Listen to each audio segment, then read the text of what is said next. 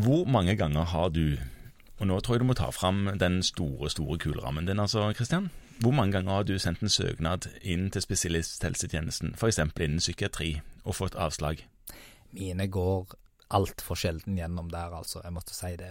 Ja, de går gysla sjeldent igjennom. Og hva, hva, skjer da når du får det avslaget, eller pasienten da får det avslaget, og så kommer pasienten til deg kanskje en stund etterpå og sier ja, den henvisningen gikk jo ikke gjennom. Nei, Nei altså skal vi ikke på en måte svartmale det. Det er jo ikke alltid de blir stoppa, men de blir kanskje stoppa noen ganger der vi tenker at her er det behov for utredning og behandling i sykehus andrelinjetjenesten, mm. og de er uenige med oss. Og, og, det som ikke bare hos meg, men hos mange andre skjer da, det er at man kanskje har valgt å la det gå litt tid, og så sender man en ny henvisning med litt andre ord i.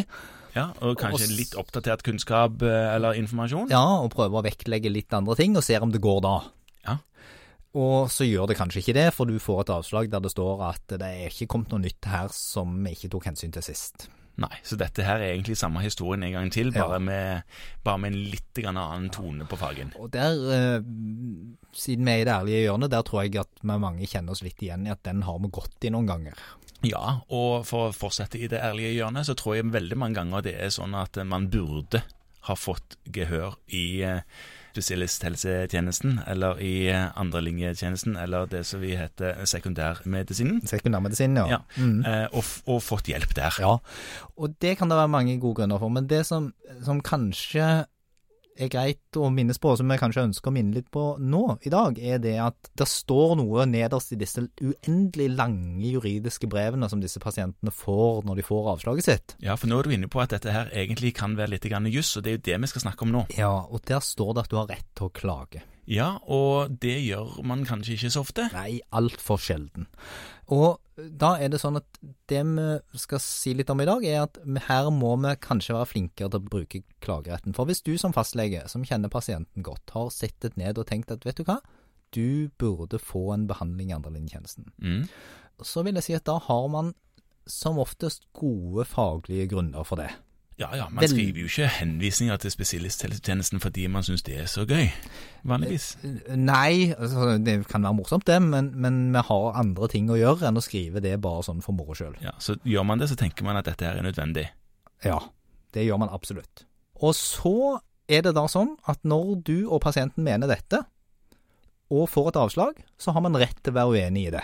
Ja. Og, Det står ganske tydelig i dette brevet, men nå er jo det ofte så juridisk formulert at verken fastleger eller pasienter innenfor psykiatrien klarer å lese det skikkelig. Nei, Man går litt lei etter at man ser at man har fått avslag, og så klarer man ikke lese alle de ordene som kommer etterpå. Nei. Men poenget her er vel det at å søke på ny, eller henvise på ny, er ikke det samme som å klage, som jeg tror ganske mange tenker at det er. Ja, og det er nemlig det som er poenget. For det å henvise på ny blir ikke oppfattet som en klage, det blir oppfattet som en ny henvisning. Ja.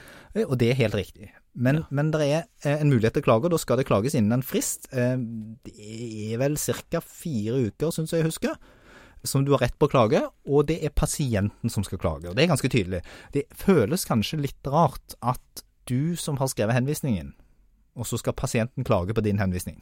Jo, men du opptrer jo på en måte på vegne. Ja, og det, det er pasienten som har en rettighet, det er ikke fastlegen. Ja. Så, så, så, pasienten må benytte seg av sin pasientrett til å klage. Men pasienten kan klage via en eller annen stedfortreder, f.eks. deg. Ja, hvis det, det, er sånn at den pasienten du har med å gjøre her, ikke helt sjøl klarer dette. Ja, og ja. ofte vil det være fornuftig, for det er kanskje du som sitter med de argumentene som sier at vet du hva, dette er vi faktisk faglig uenig i og pasienten er uenig i det. Og det som er viktig når du klager på pasientens vegne, er at det fremgår tydelig av klagen at den er skrevet på pasientens vegne. Ja, den klagen? Er skrevet ja. på pasientens vegne. Så, men, men, men, men, pasienten kan gjerne klage selv. Ja, ja, ja. selvfølgelig. Men, på hvilken måte skiller dette seg fra å henvise på ny? For det, nå har du i prinsipp henvist, og så sier du eh, nei, denne pasienten syns vi eller syns pasienten sjøl, og jeg er enig, eh, skal inn allikevel. Ja. Så her har du på en måte en, en, henvisningstekst som er lik den forrige som du ikke fikk gjennom. Ja, men med en gang du setter klage som overskrift, så havner du inn, og nå blir det litt sånn teknisk, men da havner du da altså inn i klagegangen juridisk etter pasient- og brukerrettighetsloven. Ja, men Paragraf 7-2, faktisk. Ja, ja, ok, men så, Ja. så får du da avslag igjen fordi at eh, spesialisthelsetjenesten tenker ja, men jeg, jeg mente det forrige gang, jeg mener det nå, dette skal ikke inn. Og hvis sekundærmedisinen velger å avslå klagen din, Ja, så er de forplikta til å sende saken over til fylkesmannen for endelig avgjørelse. så der ligger forskjellen. Der ligger det en svær forskjell, for det med en gang du har sendt en klage innenfor fristen, og får et avslag på den, så plikter og da trenger ikke du gjøre noe mer, da plikter faktisk den avdelingen som avslår klagen, å sende dette videre til vurdering hos fylkesmannen. Så da, da kommer det på fylkesmannen sitt bord hvis du får avslag på klagen. Ja. Ja. Og hvis man lurer på noe, så, så anbefaler vi jo egentlig at du tar kontakt med fylkesmannen i angjeldende fylke, Ja. og, og ber om å få en vurdering av om jeg, hva skal jeg gjøre her. Ja. De andre som kan hjelpe med den type ting, er sånn pasientombud. De brukes litt for lite. Ja, mest sannsynlig så brukes de for lite. Og de kan òg være med på å være rådgivere for pasientene Ja. i, i, i helseverden. Ja. Og så tenker jeg at hvis du har skrevet en sånn henvisning, så er det jo en nyttig øvelse å tenke gjennom var dette en henvisning som var god nok. Men hvis den er det, hvis du sitter og ser på dette du har skrevet, den ligger jo der i journalen din og tenker at dette her burde holde, så er vi nok for lite flinke til å klage på pasientens vegne. Ja, og her er- snakker vi jo om dette her med å være dette her som vi snakket om mange ganger før, dette med å være portvokter og gå litt inn for å få pasienter som trenger det, den hjelpen som de behøver. Absolutt. Og dette har vi også snakket om i forbindelse med NFA sin smågruppe, ikke smågruppe, men denne her faggruppen som Faggruppen, heter ja. Sosiale ulikheter i helse, Ikke sant?